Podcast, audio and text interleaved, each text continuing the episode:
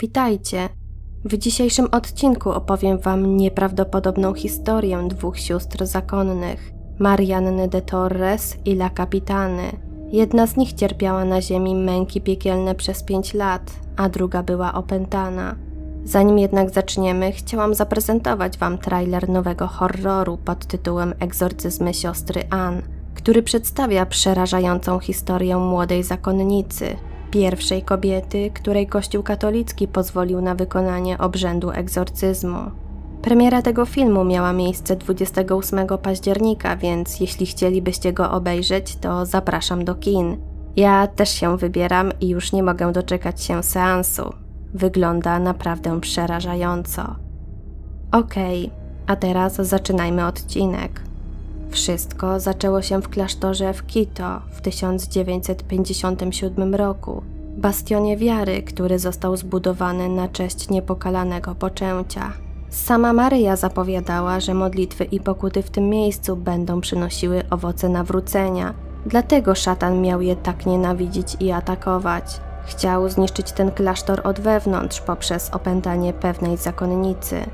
Zaczęło się od tego, że jedna z sióstr, nazywana przez historyków La Capitana, kwestionowała autorytet swojej przełożonej, siostry Marianny, i nakłaniała do tego samego inne zakonnice. Kusiła je wizją lżejszego życia, domagając się rozluźnienia surowych reguł panujących w klasztorze. Niedługo potem zbuntowane siostry wybrały nową przełożoną, Magdalenę de Jesus Valenzuelę, Wtedy też reguły zakonne zostały złagodzone, na przykład zniesiono ścisłe milczenie. La Capitana złożyła fałszywy donos na Mariannę, co poskutkowało tym, że została ona zamknięta w klasztornym więzieniu wraz z innymi zakonnicami sprzeciwiającymi się decyzji zmiany zasad. Wtedy też, mniej więcej, Mariannie ukazała się Matka Boska i powiedziała – Jestem Matka Boża Pomyślności, Królowa Nieba i Ziemi. Przyszłam, aby pocieszyć Twoje udręczone serce. Szatan próbuje zniszczyć to Boże dzieło, posługując się moimi niewiernymi córkami, lecz nie osiągnie celu, bo ja jestem Królową Zwycięstwa i Matką Bożą Pomyślności i pod tym tytułem pragnę być znana dla zachowania mego klasztoru i jego mieszkańców. To nie było jej jedyne objawienie w więziennej celi. Matka Boska pocieszała Mariannę wielokrotnie, pokazała jej też przyszłość klasztoru i Ekwadoru. Pozostałe uwięzione siostry także miały podobne objawienia. W tym samym czasie ich sprawa została nagłośniona w całym Quito, co wzbudziło ogromne oburzenie społeczności. Marianna była bardzo szanowana i ceniona przez zwykłych ludzi. To wszystko sprawiło, że władze kościelne ponownie zwróciły uwagę na tę sprawę.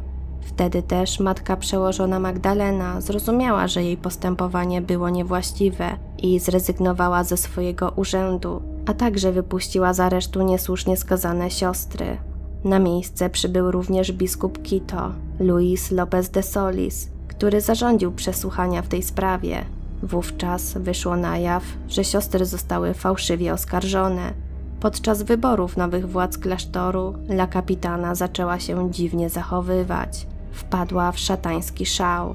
Triumfalnie domagała się, by wybrano ją na przełożoną, jednocześnie znów oskarżając Mariannę o niewyobrażalne rzeczy. Uznano, że La Capitana jest pod wpływem złego ducha. Wtedy biskup podjął decyzję o zamknięciu jej w areszcie. Miał nadzieję, że siostra to odpokutuje i zrozumie swoje błędy, oraz to, że stała się narzędziem diabła.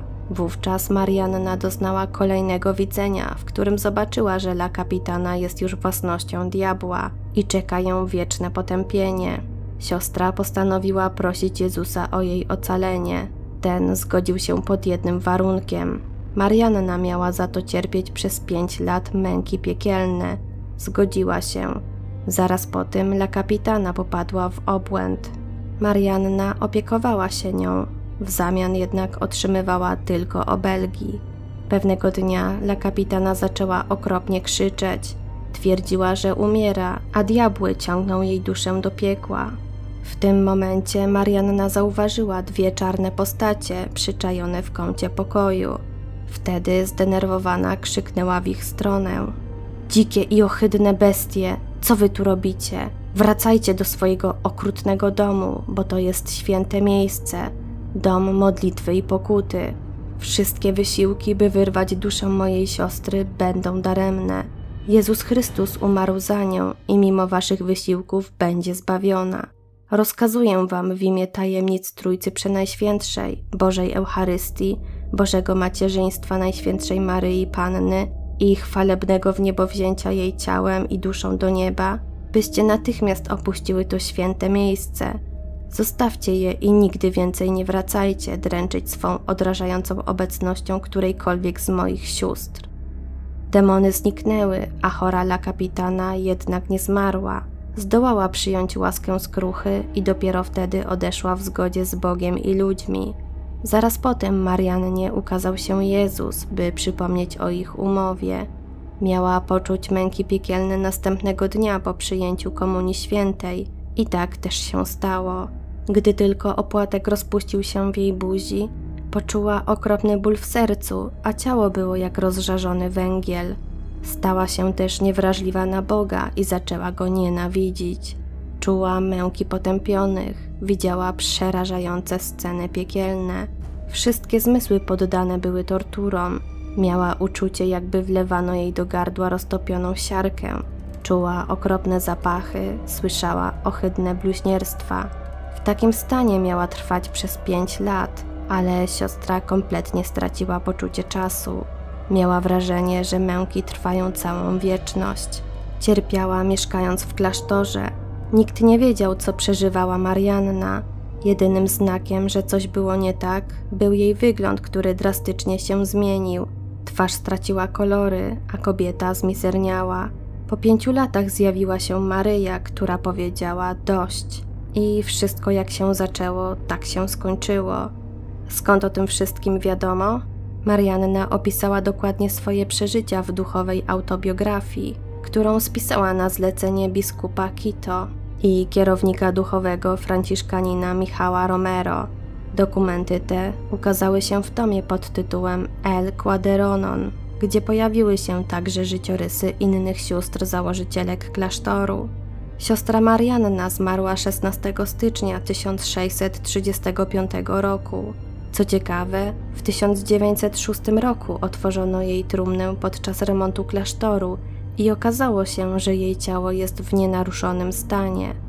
W 1986 roku rozpoczęto jej proces kanonizacyjny. Do usłyszenia w kolejnym odcinku.